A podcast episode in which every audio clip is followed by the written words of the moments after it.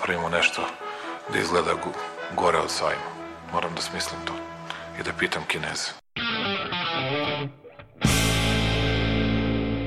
I've today left hospital after a week in which the NHS has saved my life. Ne mogu da verujem da narod koji je preživao sankcije, bombardovanje, svakojako maltretiranje će se uplašiti najsmesnijeg virusa u istoriji čovečanstva koji na Facebooku postoji. And now I'm better and maybe I'm immune, I don't know. Dobro večer. Mene su poslali iz štaba. Ja ću vam pomoći. Aleksandar Kocić Jelena Viser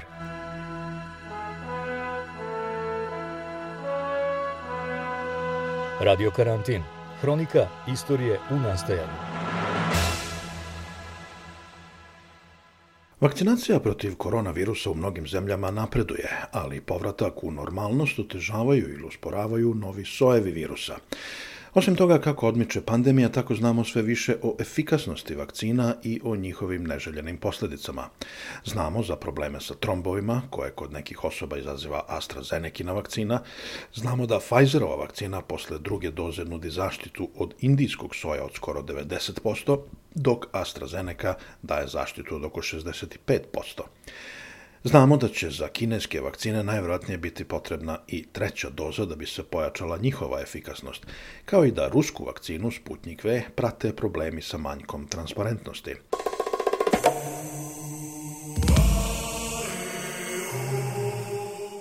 Ja sam Aleksandar Kocić, a moj današnji gost je anestezijolog i lekar intenzivne nege iz Kelna, Dani Milovanović, koju sam na početku razgovora pitao kakva je trenutna situacija sa pandemijom u Nemačkoj. Ovaj talas je sada uh, prekinut koji smo imali. Talas je krenuo od uh, uskršnjih praznika koji su ovde bili početkom aprila i ovaj, um, naravno nekih nedelju dana, dve nedelje kasnije su brojevi incidencije poprilično eksplodirala. Popunile su nam se intenzivne nege.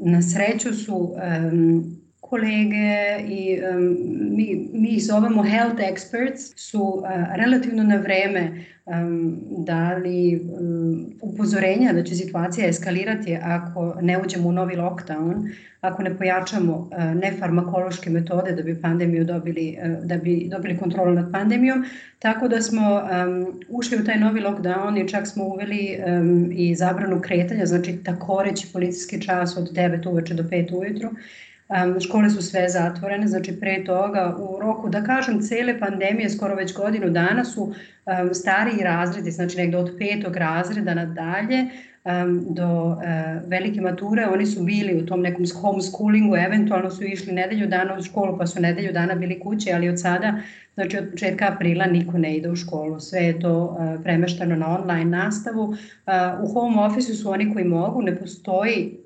direktan nalog da svi moraju u home office, ali postoji ta preporuka i uz to od sada, od početka aprila postoji pravilo da ako mora da ide da radi u kancelariju, znači ne može svoju delatnost da radi u home office-u, on mora od svog poslodavca da ima mogućnost dva puta nedeljno da se testira na koronavirus. Znači to su antigenski testovi koji su Umeđu vremenu ovde je jako dobro, jako e, široko pristupačni ljudima koji su e, u principu u svakom supermarketu za 5 evra, 5 do 10 evra da se dobiju bez ikakvog recepta, bez ikakvog posebnog prava, znači ne mora čovek ni da bude lekar za to i čak šta više u, ovaj, od početka aprila su e, etablirali ovde pointove gde ljudi mogu besplatno da odu da se testiraju. Znači, svako ko ima ikakvu sumnju ili ko, na primer, planira da ide u posetu nekom, nekoj osobi koja je pacijent rizika, može da ode kolima u, takvu, uh, u takav point i da prođe kolima jednostavno drive-thru. E sad, kažete mi, e, Nemačka je na početku bila ono poster child,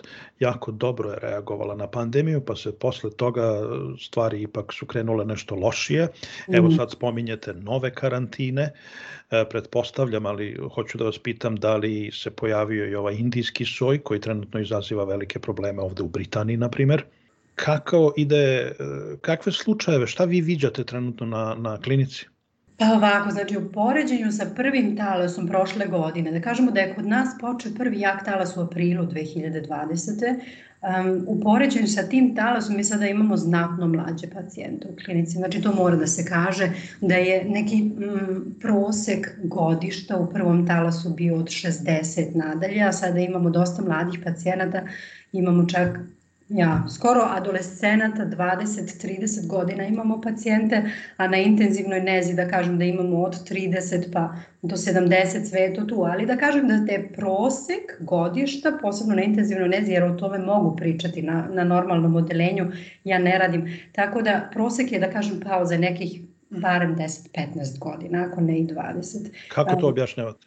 To objašnjavam time zato što um, je jednostavno najveći deo sekvenciranih pozitivnih PCR testova nam pokazuje da aktual, aktualno, znači u ovom trenutku mi ležimo negde na 80 do 90 procenata britanskog soja. Znači taj britanski soj e, B117, ja, on je kod nas velika većina, iako smo se zaista trudili da zaustavimo, znači kada smo uočili da mi e, da Velika Britanija ima problem sa tim britanskim sojom i da sve ukazuje na to da je on um, jako zarazac, znači da on ima taj veći kontagiozitet, da kažem, da se on lakše širi, da on pre svega napada malo više um, mlađu generaciju kao i decu, um, obustavljeni avio saobraćaj, uradilo se sve da se to, da kažem, drži pod kontrolom, ali jednostavno polako, peu a rastao je deo, rastao je udeo britanskog soja i mi smo sad negde kod 80-90%. Koronavirus se menja stalno u toku vremena, ima jako puno mutacija, ali one uglavnom za nas, da kažem, klinički gledano nemaju neku veliku relevantnost. Znači, uh, redko dođe do ovakve jedne formacije ovakvog soja, odnosno ovakve konstelacije koronavirusa koji pokazuje nama drugačije osobitosti što se tiče zaraznosti, što se tiče pre svega kliničke slike, a vrlo redko neke pokazuju čak i osobitosti što se tiče agresivnije kliničke slike koja dovodi do više smrtnosti. Znači to je vrlo redno, redko. To, taj, konkretno taj problem tog britanskog soja B117, da kažem, je taj da on ima takozvani fitness advantage. To znači ako kažemo da je normalan koronavirus divlji tip koronavirusa, ovaj soj ima taj fitness advantage, znači on znači postaje sve dominantniji i s obzirom da je zarazniji, više se širi u populaciji. Kako po vašem mišljenju teče vakcinacija? Pa znači, mi smo, ja sam baš jutro sad pogledala, mi smo negde oko 35% populacije sada uh, vakcinisani. Znači, kažem, populacije ne 35% oni koji bi hteli da se vakcinišu. Znači, ovdašnje ankete su, re, su, su nam dale te m, preliminarne rezultate da oko 76% populacije želi da se vakciniše. Um, od čitave populacije sada smo vakcinisali oko 35%, to su nekih 28 miliona stanovnika jednom dozom, od toga je samo 10 miliona revakcinisano.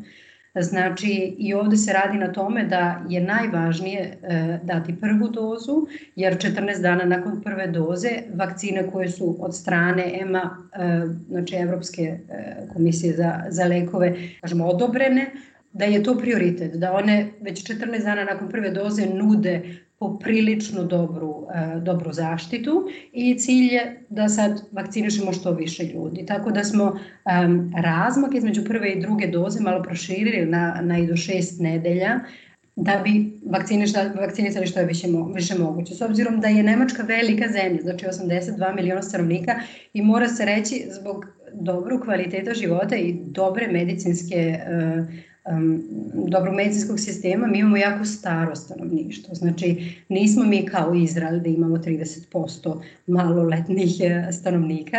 Um, ovde je napravljena jedna određena šema, znači jedna uh, pri, prioritet lista i vakciniše se po prioritetnim grupama. Znači, počeli smo sa tom prvom grupom koji su najstariji stanovnici, već u decembru su vakcinisani ljudi koji imaju preko 90 godina. Znači, počeli smo u novembru sa medicinskim personalom koji radi direktno sa COVID pacijentima.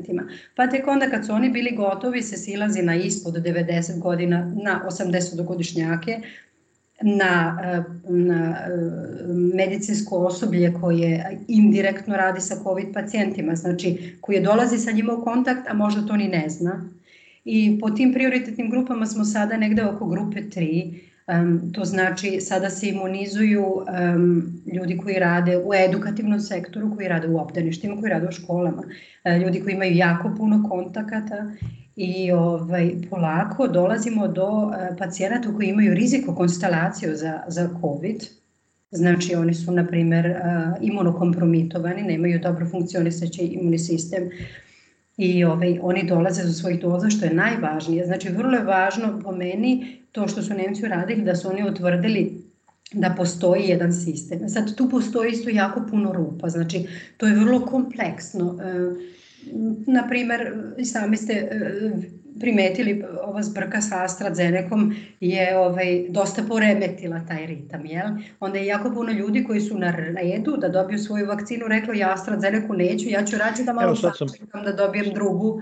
I to je sve, to su sve te rupe koje nisu definisane, e, nisu od samog početka definisane. Šta ćemo raditi za tima koji su spremni da čekaju, e, zato što oni onda još više doprinese ka tome da vakcinacija se usporava još više. Onda znači imamo jedan određeni eto, delay. Ja? Sad sam teo da vas pitam to. E, s jedne strane, bilo je problema u Europskoj uniji oko nabavke vakcina. I to su problemi s jedne strane političke prirode, s druge strane logističke prirode. A onda se pojavio dodatni problem, a to je nepoverenje u određene vakcine, pre svega u AstraZeneca vakcinu zbog a, pojave neželjenih efekata. Sa medicinske tačke gledišta, vi ste lekar, kako vama to izgleda? Da li je strah od a, tih ugrošavanja krvi kod izazvanih AstraZeneca vakcinom opravdan? Najvažnije je da ljudi shvate ne postoji ni jedan lek koji je 100% siguran koji 100% deluje i koji nema nikakvih nus efekata. To je vrlo važno da se shvati. I vrlo je važno da kada se tako nešto pojavi kao um, novi nus efekti, nove komplikacije, da se to transparentno komunicira. Jer samo u tom slučaju eksperti mogu da odreaguju, mogu da dođu do zaključaka, da vide da li postoji kauzalitet zaista sa nekim vakcinama, kao u tom slučaju AstraZeneca i da odreaguju da bi onda, da kažem, modificirali svoje preporuke.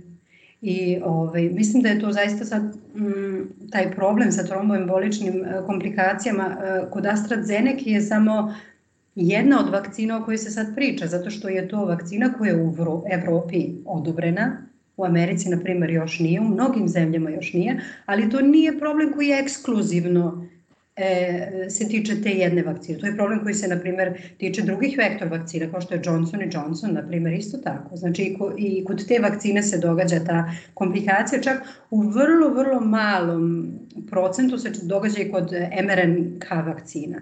Znači, um, to je jedna komplikacija koju smo to sada... Su Pfizer, to su Pfizer i Moderna za sada. Jest, baš hmm. tako baš tako. Znači mnogo ređe, ali se događa i tu. Um, to što smo sad shvatili je da postoji određen kauzalitet. Znači to je vrlo važno. Shvatili smo i sada možemo da tražimo na čemu se zasniva taj patomehanizam. Ne? Uh, već smo došli do toga da su to određena antitela koje se u 99% procenata uh, mogu naći kod tih pacijenata koji su dobili te tromboembolične komplikacije u različitim uh, krvnim sudovima i ovaj, sada moramo naći kako možemo njih, te pacijente da isfiltriramo nekako unapred, da oni ne dobijaju vektor vakcine, nego neke vakcine koje e, nisu asocirane sa takvim komplikacijama. Znači, sve Ko su najugroženije grupe? Najugroženije grupe za tromboembolične komplikacije. Znači, polako sad par studija su već identificirali par riziko konstelacija, to su mladi ljudi i pre svega ženski pol. Znači, e, čak i kod mladih muškaraca, da kažem ispod 60, došlo je do takvih komplikacija, ali manje nego kod žena. Drugi, e, znači mladi ljudi, ženski pol, e, treći riziko faktor je ako žena uzima i kontraceptivnu pilulu uz to. Četvrti rizikofaktor je smanjena funkcija tiroidne žlezde, znači takozvani hipotiroidizam ili Hashimoto tiroiditis koji je doveo do, do smanjenja rada štitne žlezde i ovaj, jedan od rizikofaktora je gojaznost. Eto, to su ti rizikofaktori koje sam u studijama ja do sada pročitala. Ako se pojave simptomi, koliko ih je lako lečiti? Znači ovako, oni se postoje tako, takozvani prodromi, znači postoje prvi simptomi gde čovek može da, da primeti a tu već nešto sad nije u redu. Znači, uglavnom je to negde oko dve do tri nedelje od prve doze vakcine se pojave takozvane, um, takozvani podlivi ili petehijalna uh, krvarenja. To su male tačkice koje se nalaze na, na uglavnom na nogama, znači na potkolenicama ili dolazi do nekih podliva. To su prvi znaci da nešto sa koagulacijom, znači sa zgrušavanjem krvi nije u redu. U principu kada se u tom stadijumu već pacijent e, e, javi svom lekaru, Um, s obzirom da to nije toliko retak fenomen, lekari već to prepoznaju. Znači uradi se krvna slika i vidi se već u krvnoj slici, o sasvim normalnoj krvnoj slici, se vidi da krvne pločice, odnosno trombociti su sniženi. Znači to je već prvi alarmantni znak, ovde treba uraditi malo više diagnostike. Sledeći korak u diagnostici je da se uh, uradi takozvana serološka analiza, odnosno analiza zgrušavanja krvi i da se vidi da li tu postoje neka antitela koje su, koje je prouzrokovalo sobstveno telo nakon kontakta sa vakcinom, znači sa tim antigenom i samim tim jednom autoimunom reakcijom, znači pogrešnom imunom reakcijom napalo sobstvene krvne pločice i zbog toga ih je malo sada u krvi. Znači, to je sledeći, e, sledeći korak diagnostike koji se radi to je, ako se ustanovi da postoje ta autoantitela, onda e, se diagnostikuje taj jedan sindrom koji mi već jako puno godina poznajemo um, kod pacijenta koji jedan određeni lek ne podnose, a to je takozvani heparin, koji se dosta koristi u, u stanovništvu kod ljudi koji imaju problema sa skrošavanjem krvi. Znači, onda u tom trenutku mi jednostavno znamo Ok, znači došlo je sada do jedne dijagnoze i ključno je kod tih ljudi zaustaviti tu vrstu imune, autoimune reakcije, ne davati dodatne trombocite, nego jednostavno gledati da, da sprečimo i patološko zgrušavanje krvi, znači da ne dođe do tromboza, a da ujedno sprečimo da ima sve manje trombocita. I to se uh, uglavnom uh, radi stacionarno, znači pacijenti ipak dođu onda uh, u bolnicu, odnosno moraju videti hematologa, to je vrlo važno, znači njima treba kompetentan lekar koji uh, sa tim ima malo češće uh, posla. Um, ja sam videla jako puno ljudi koji imaju tu dijagnozu, ona se zove HIT, znači HIT, ima uh, HIT 1 i HIT 2 dijagnoza i um, ne mnogo njih je imalo tromboze, znači jedan mali deo. Znači ključno je to kada vi postavite tu tačnu dijagnozu. E sad, da li će heparin napraviti takvu reakciju ili um, vakcina, jedna vektor vakcina kao AstraZeneca, to u tom trenutku jednostavno morate anamnezom da, da ustanovite. Znači vi morate pitati pacijenta da li ste vi imali ikakvu kontakta sa vakcinom ili sa heparinom i ovaj, da bi napravili dobru dijagnozu.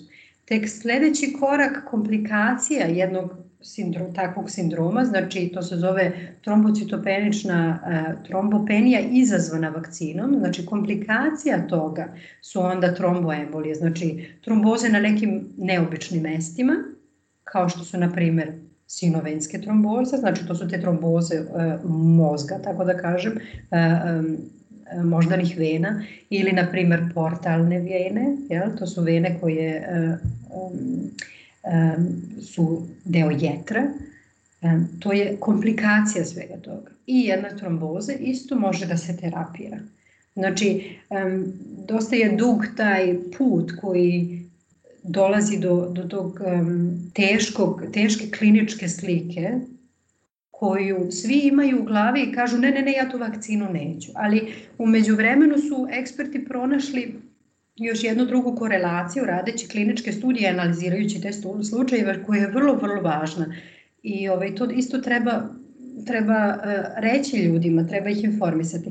Znači, pacijenti koji su skloni tome, izazivanju tog sindroma trombocitopenične trombopenije izazvane vakcinom. Oni su isto tako skloni trombozama od covid -a.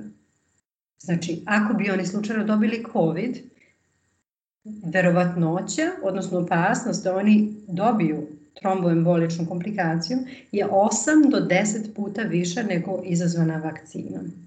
Znači, to, to, to sam teo da vas pitam. To sam teo da vas pitam.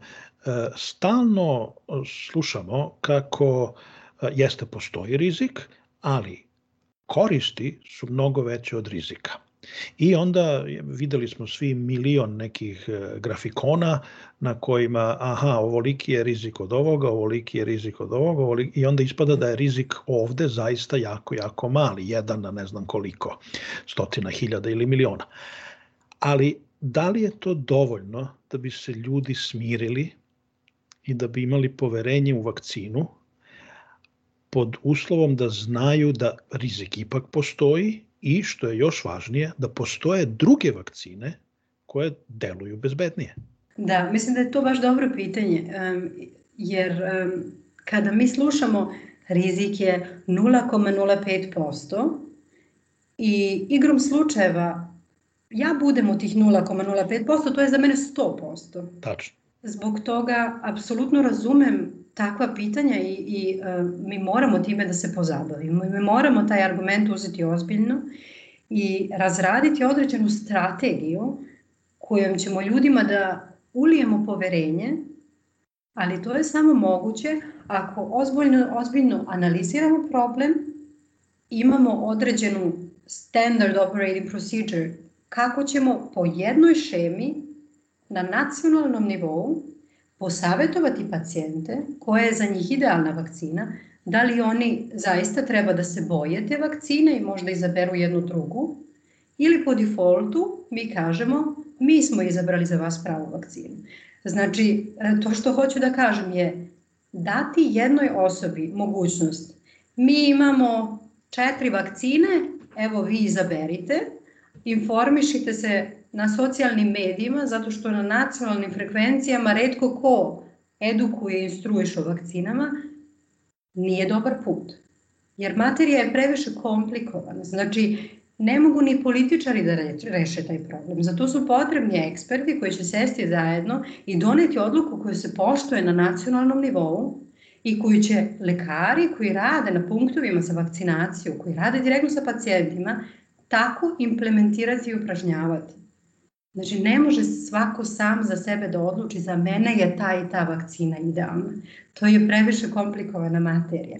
I zbog toga ja, pro, mislim, šta kažem, propagiram, ja preferiram, eto to, eh, jedan eh, koncept, napraviti koncept koji kaže ti ti pacijenti za tu vakcinu nisu, oni su za ovu drugu. I to je koncept koji se sada u Evropi svaka zemlja može za sebe da odluči. Ja mogu da kažem za zemlju gde, gde ja živim, radim.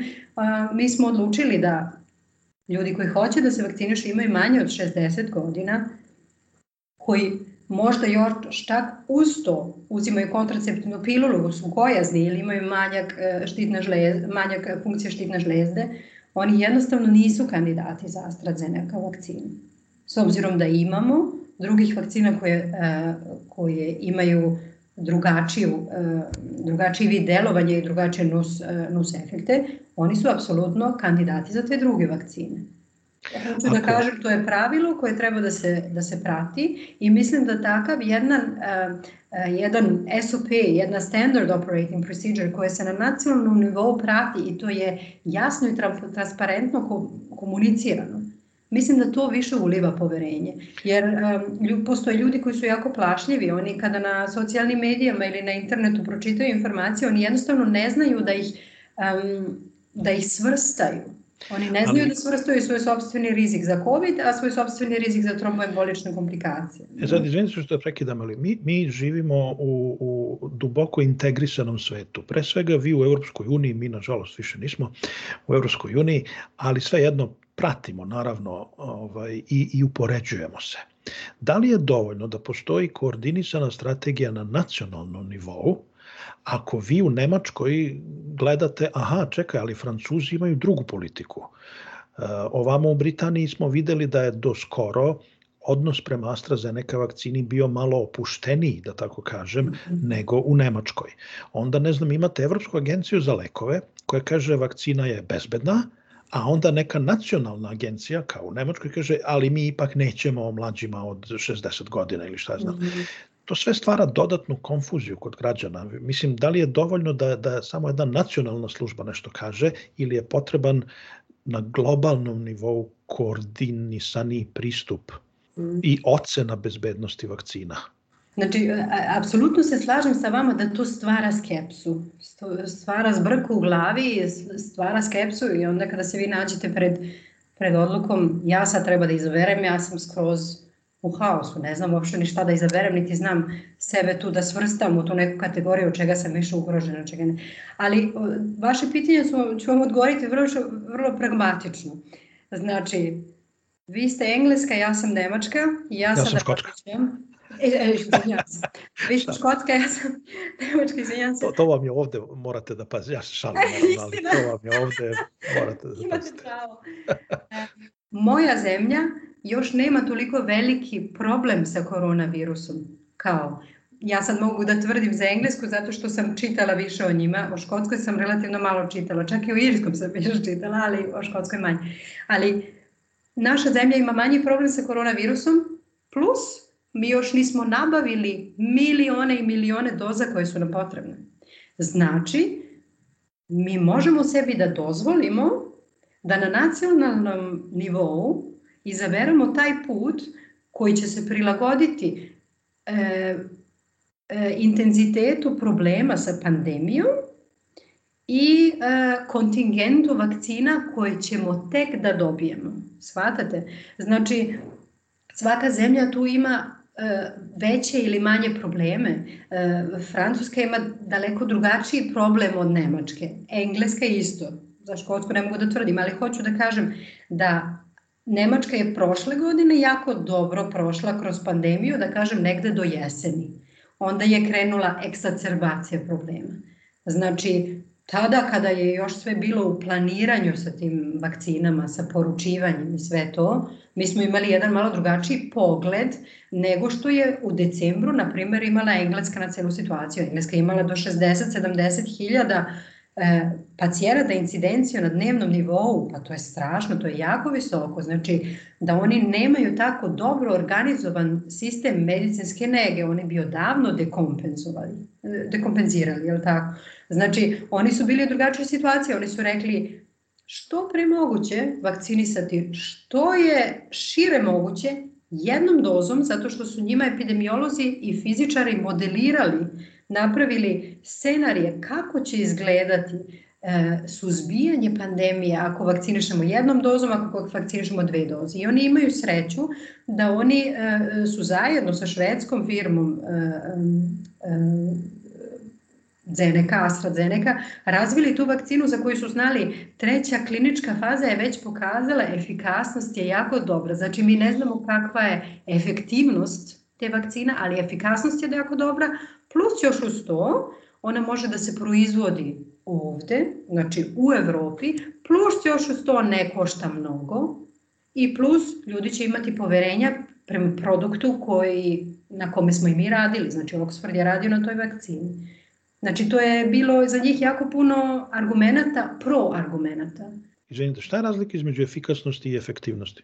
Efikasnost je to što se meri u trećoj fazi kliničkog ispitivanja jedne vakcine. Znači, postoje te tri faze kroz koje mora da prođe u biti svaki lek pa i svaka vakcina. I treća faza je ta najpoznatija zato što to znači testiranje na dobrovoljcima koji su se javili da oni hoće da dobiju taj lek i uh, da se posmatraju jedan određeni broj dana, meseci posle. Rezultati koji izađu iz te strogo kontrolisane treće studije koje je u biti jedna studija koja je randomizovana, to znači tu se stvaraju dve grupe i ona je um, duplo, ona je tako da kažem zaslepljena, ona je blinded, znači čovek koji se javio dobrovoljno da bude deo te studije ne zna da li je on dobio placebo ili je dobio zaista lek, u tom slučaju vakcinu. Rezultati takvih studija nama pokažu kolika je efikasnost to je lepo i divno, ali to su sve jako kontrolisani uslovi. Shvatate, ako, na primer, BioNTech Pfizer, oni su napravili treću studiju kliničkog ispitivanja na 40.000 ljudi, to je jedna jako velika populacija.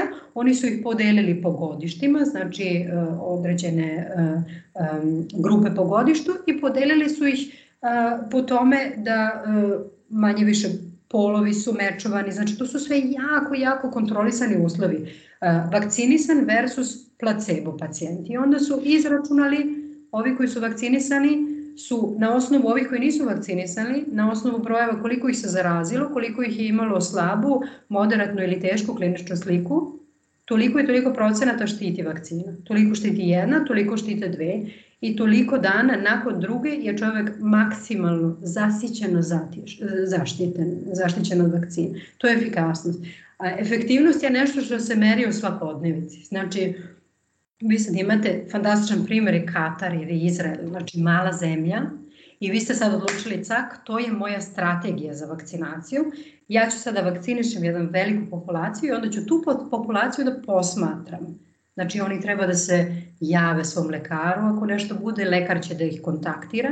I onda ću nakon šest meseci da napravim statističku analizu toga i onda ću reći, aha, znači u normalnoj svakodnevici, u jednoj populaciji koja nije tako kontrolisana kao vid jedne studije, su rezultati ovakvi i oni mogu da diferiraju malo od efikasnosti. Znači, efektivnost je to što je za nas u biti važno, jer to znači jedna populacija je dobila vakcina i mi posmatramo kakvog efekta ima ta vakcina u normalnom životu, dok je efikasnost kao jedan, kao da kažem, jedna mali balon sapunice i to je ta treća klinička faza, e, treća faza kliničke studije koju prate, prati farma industrija, prate lekari da bi dobili rezultate, a samo na osnovu tih rezultata se može odobriti jedna vakcina. Znači ona kad je odobrena, ona ide u, u široku potrošnju i tek u vidu te potrošnje, u vidu vakcinacije jedne populacije može da se dobije vrednost efektivnosti. Znači to je vrlo važno, imamo efikasnost i efektivnost. I ako sve ide ako sve dobro ide i ako nema nekih većih komplikacija, onda, onda ta, ta dva, te dve vrednosti one su prilično bliske. Od nekih vakcina gde one ipak diferiraju dosta i tu čovek mora da se upita ako je efikasnost bila viša, a efektivnost je znatno niža, da li je to zaista prava vakcina za taj cilj koji imamo? Da li je naš cilj razbijanje talasa, supresija pandemije ili je naš cilj da eliminišemo virus, kao što su to neke zemlje sebi stavile za cilj, kao Novi Zeland, kao Australija, kao Tajvan. Slušate Radio Karantin. Naš rad inače u potpunosti zavisi od vaših donacija. Svaka pomoć i ona najmanja znači nam mnogo. Možete nas podržati stalnom mesečnom ili godišnjom donacijom na Patreonu ili jednokratnom uplatom Paypalom. Linkovi za uplate su na našem sajtu radiokarantin.eu. Radio Karantin. Ja sam pre par meseci intervjuisao e, šefa odseka za virusologiju na univerzitetu u Hanoveru, Tomasa mhm. Šulca. Mm. I on mi je tada rekao, zajedno sa jednom izraelskom naučnicom iz Tel Aviva, da će virus ostati sa nama, da ga nećemo eliminisati, nego ćemo samo naučiti da živimo sa njim. Da li se vi slažete? Da, donekle se slažem. Znači, on će svakako postati endemijski virus. Endemijski virus znači to što mi kažemo sezonski virus. Znači, kao što je sada um, grip, znači grip je sezonski virus, kada krene hladno vreme, kada smo dosta unutra, kada krene, da kažem, kasna jesen, zima, dolazi do sezone gripa. Verujem da će tako ostati i za koronavirus, ali na nama je do kog nivoa će on postati endemijski. Znači to je apsolutno na nama i na našem ponašanju, na našem razumevanju i na našim ciljevima. I što više su primjerate, to ćete imati manji problem sa endemskim, da kažem, protokom, eto, endemskim, endemskim, endemskim problemom tog virusa. Znači ja sam poprilično sigurna Um, I to kažem na bazi onoga što pričaju eksperti. Ja nisam sam virusolog ili, ili epidemiolog, ali virusolozi kažu da će nam najverovatnije trebati um, boostovi vakcinacije, zato što se virus vremenom menja, to je jedan apsolutno normalan fenomen i on će postati endemijski. Mi ćemo najverovatnije svake zime videti pacijente na intenzivnoj nezi koji boluju od COVID. Ali ako uspemo da suprimiramo sada kada imamo najveći problem i kada imamo jedno, jedno od najefikasnijih oružja, to su vakcine, onda će naš problem postati sve zanemarljiviji. U Evropi su odobrene uh, Pfizer, Moderna i uh, AstraZeneca vakcina, ne znam za Johnson Johnson da li je odobren ili nije, jeste. Uh, Sa druge strane, evo sad je i Svetska zdravstvena organizacija odobrila Sinopharmovu, odnosno prihvatila Sinopharm vakcinu kinesku, Sputnik V je još uvek povuci potegni. Čini se da je u pitanju politika u velikoj meri i da se trenutno vodi jedan hladni rat između istoka i zapada oko vakcina i uopšte pristupu pandemiji. Kako vama kao lekaru to deluje? Po vi ste na prvoj liniji fronta, da tako kažem, vi radite sa pacijentima. Da li mislite da je to u redu da se svi držimo i dalje svojih nacionalnih agencija, svojih propisa ili smo mogli kao čovečanstvo da na ovome radimo više zajedno? Pa, svakako smo mogli da radimo zajedno, ali moram čak da kažem u vidu pandemije me čak delimično iznenadilo uh, stepen tog internacionalnog, međunarodnog rada uh, eksperta zajedno u određenim informacije su se delile mnogo ranije nego inače.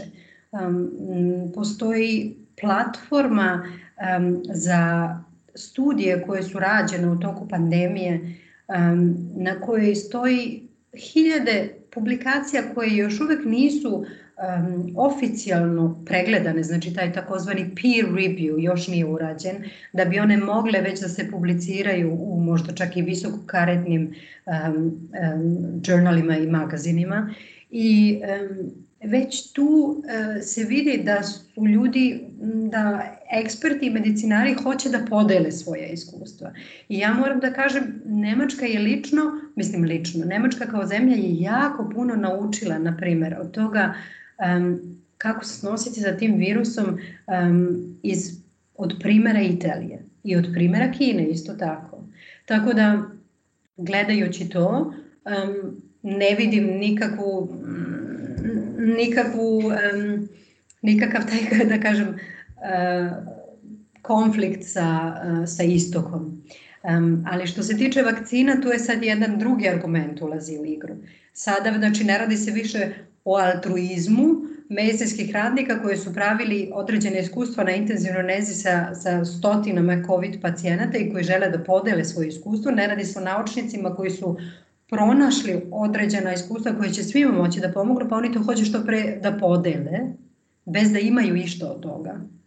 Nego se sada jednostavno radi o industriji, da kažem, farma industriji i o novcu, kako je i pre pandemije sve funkcionisalo. Znači, najveći deo vakcina, negde oko 90% otišao je sad na bogate države. Siromašne države su kao što su i pre u drugim sektorima bili gubitnici, nažalost i ovde gubitnici. I to je jedna velika nepravda. To je jedan određeni, kao, da kažem, vakcinološki, kao i, kao i globalni rasizam i nacionalizam. To je, to je nešto što je u našim i u mojim očima apsolutno neprihvatljivo. I samim, sa samim tim, po mom mišljenju, odluka svetske um, zdravstvena organizacija da a, odobri Sinopharm ima veze sa tim isto. Znači, Svetska zdravstvena organizacija, ona nema svoje sedište ili glavnog finansera u jednog, jednoj državi pa da je to prioritet. Znači, oni bi ipak hteli na svetskom nivou da suzbiju ovu pandemiju.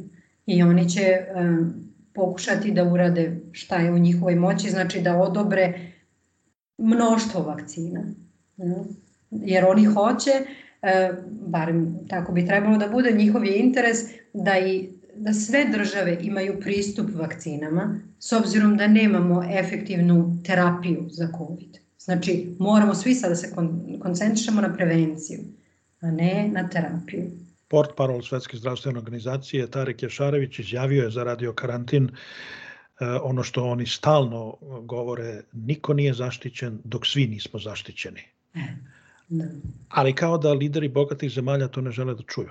To, je, to jeste velika nepravda, ali po mom mišljenju treba malo gledati i racionalno na situaciju. Um, mnoge zemlje su i donirale svoje vakcine.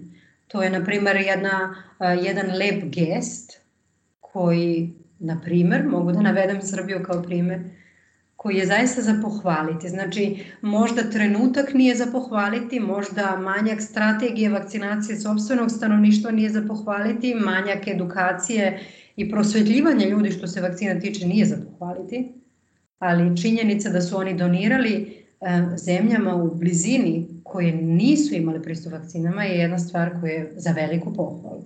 I mislim da su to uradile više drugih zemalja, samo to ne nalazite kao naslov u novinama koji, će, koji ćete odmah da, e, da vidite i da kažete to je zaista jedna lepa stvar. S obzirom da ste pomenuli znači Sinopharm i Sputnika o vakcinu, koje se razmatraju možda od Evropske komisije za lekove Sputnik V, znači Gamaleja vakcina se razmatra. Um, ja iskreno rečeno ne vidim tu mnogo političku odluku. Ja to gledam sa naučne strane i čisto sumnjam da će Evropska komisija za lekove ikad uh, pod ovakvim uslovima odobriti Sputnik V um, vakcinu i ne verujem ni da će Sinopharm odobriti. Znači da smo sada mi u takvom jednom velikom problemu da smo mi spremni da um, uzmemo sve vakcine čisto da bi suprimirali apsolutnu katastrofu koja nas je pregazila koronavirusom, onda bi razmatrali. Ali pod ovakvim uslovima, um, s obzirom na to um, šta je pre par nedelja um, šta je izašlo na videlo, eto da kažem sa Sputnikom, naučnih rezultata od um, Brazilske komisije koja je razmatrala da, da odobri Sputnik V, čisto sumnjam da regulatorijsko telo EME može da odobri takvu jednu vakcinu. Isto tako, zbog rezultati, čega? zbog čega? Um, znači, što se Gamaleja vakcina tiče Sputnik V, um, su se ustan, brazilski, e, brazilsko regulatorno telo za odobravanje vakcine ustanovilo više um, da kažem, rupa. Ja? Um, di, ru, za rusku vakcinu nam nisu bili poznati rezultati treće kliničke faze sve dok nisu objavili jednu visoku karetnu publikaciju u Lancetu koja je pokazala da je, da je efikasnost njihove vakcine jako visoka, one preko 90%, čini mi se nekih 91%, to su sjajni rezultati. Sam koncept kako je napravljena ta vakcina je isto jako inteligentan, znači dve vakcine koje, gde su um, fragmenti koronavirusa spakovani u dva različita adenovirusa, dva različita vektor virusa, to je vrlo inteligentan koncept. Ne košta mnogo napraviti tu vakcinu, um, i kupiti je, mislim, sve u svemu to je jako dobro izgledalo. Publikacija je jako dobro izgledala, ali onda e, pri malo boljem pogledu, malo detaljnijem pogledu, brazilski stručnjaci koji mora čovek da zamisli u kojoj se situaciji nalazi Brazil sada, to je jedna od zemalja koja je nakon Indije odma e, tu oni su jako, e, imaju jako veliki problem sa pandemijom, znači njima su zaista očajno potrebne vakcine ali oni su tu e, videli više defekata. Jel? Oni su prvo ustanovili da očigledno zavisno od šarže, koju šaržu dobijete sa te vakcinom, e, vektor u kome je spakovan deo e, spike proteina delimično nije umrtviljen. Znači, nemamo posla za inaktiviranim adenovirusom u kome je spakovan deo koronavirusa, nego je on delimično aktivan. Sad, ako vi imate normalan imunni sistem uh, i ako dobijete uh, aktivan, koron, aktivan uh, adenovirus sa spakovanim proteinom koronavirusa, ništa se tu znatno neće desiti, možda ćete dobiti prehladu, jer adenovirusi oni prave prehlade. Ali ako, na primer, vi ili ja imamo neku e, imunološku bolest i naš imun, imunni sistem nije e, kom, kompletno kompetentan, ta vakcina i taj adenovirus može da napravi veliki haos i to je rizik koji niko neće da uzme na sebe. A pogotovo ne jedno je regulatorno telo koje je već u samoj kontroli ustanovilo mu sekund samo ovo nije to što ste vi nama obećali. Znači to je bio jedan od najvećih um, propusta Drugi propusti su bili koji se tiču sterilnosti same vakcine i treći propust je bio, oni su jednostavno pitali da li mi možemo da vidimo pogone gde vi a, produkujete, pakujete vakcinu, mi hoćemo sami da se uverimo kako to izgleda i ta molba im nije odobrena. Znači tu postoji manjak transparencije na više nivoima i ovaj, na kraju krajeva mora da se kaže da je oficijalno barem na internetu, socijalnim mrežama, um, Gamaleja loše odreagovala. kritikujući druge vakcine i govoreći da, da to jednostavno nije istina, a to jednostavno nije profesionalni pristup takvim kritikama. Verujem da takve propuste mogu da imaju i druge vakcine, ali da postoji način da se dokaže da oni imaju svoje standard operating procedure koje zadovoljavaju regulative različitih zemalja, ali to su stvari koje moraju koje mora onda um, um, ta farma koncerna jednostavno da dokaže. Mi imamo određene e, standarde kvaliteta i to su ta, ovi standardi. Znači, ako hoćete da vidite produkciju, ni to nam ne bi smetalo. I to su stvari um, pri kojima Evropska komisija za lekove um, koje oni ne tolerišu baš. Znači, oni hoće vrlo visoke standarde kvaliteta. I kao što vidite i sami, znači jedna vrlo, vrlo redka komplikacija, tromboemboličnih komplikacija kod AstraZeneca dovela je do toga da je gotovo u svim zemljama Evrope pauzirana vakcina. A svi su u problemu sa koronavirusom. Oni su pauzirali na par dana dok nisu doneli odluku. Od danas nam je to i to strategija, koncept, procedura vakcinisanjem AstraZeneca. Znači, čisto sumnjam da bi Evropska komisija onda rekla Pa dobro, s obzirom da imamo sad taj problem sa pandemijom, uzet ćemo i tu vakcinu za koju se ni ne zna tačno da li je vektor živ ili je umrtljen i da li je svaka šarža sterilna ili, ili pod kakvim uslovima se pravi pune ampule. Čisto sumnjam, iskreno rečeno. Ne vidim tu sad neki veliki konflikt sa Rusijom ili sa Kinom. Mhm. Više vidim problem manjka efektivnosti Sinopharm vakcine, u odnosu na efektivnost, odnosno na, da, baš efektivnost, znači ne samo efikasnost, nego i efektivnost mRNA vakcina, AstraZeneca vakcina i Johnson Johnson, a kod ruske vakcine vidim te probleme o kojima smo upravo pričali.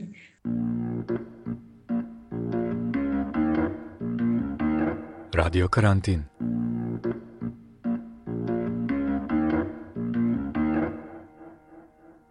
Dani Milovanović u razgovoru za Radio Karantin. Nas možete da slušate na Soundcloudu preko platformi Deezer ili Apple Podcasts i podcast.rs. Ostavite nam ocenu ili komentar tamo gde nas slušate, tako ćete pomoći i drugima da nas nađu. Čujemo se uskoro ponovo. Pozdrav!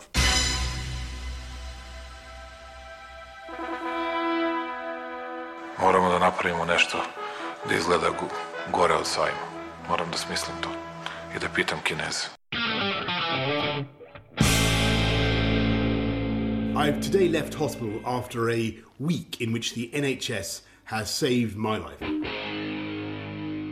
Ne mogu da verujem da narod koji je preživao sankcije, bombardovanje, svakojako maltretiranje će se uplašiti najsmesnijeg virusa u istoriji čovečanstva koji na Facebooku postoji.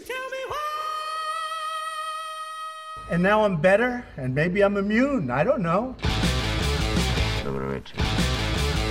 Mene su poslali iz štaba. Ja ću vam pomoći. Aleksandar Kocić Jelena Viser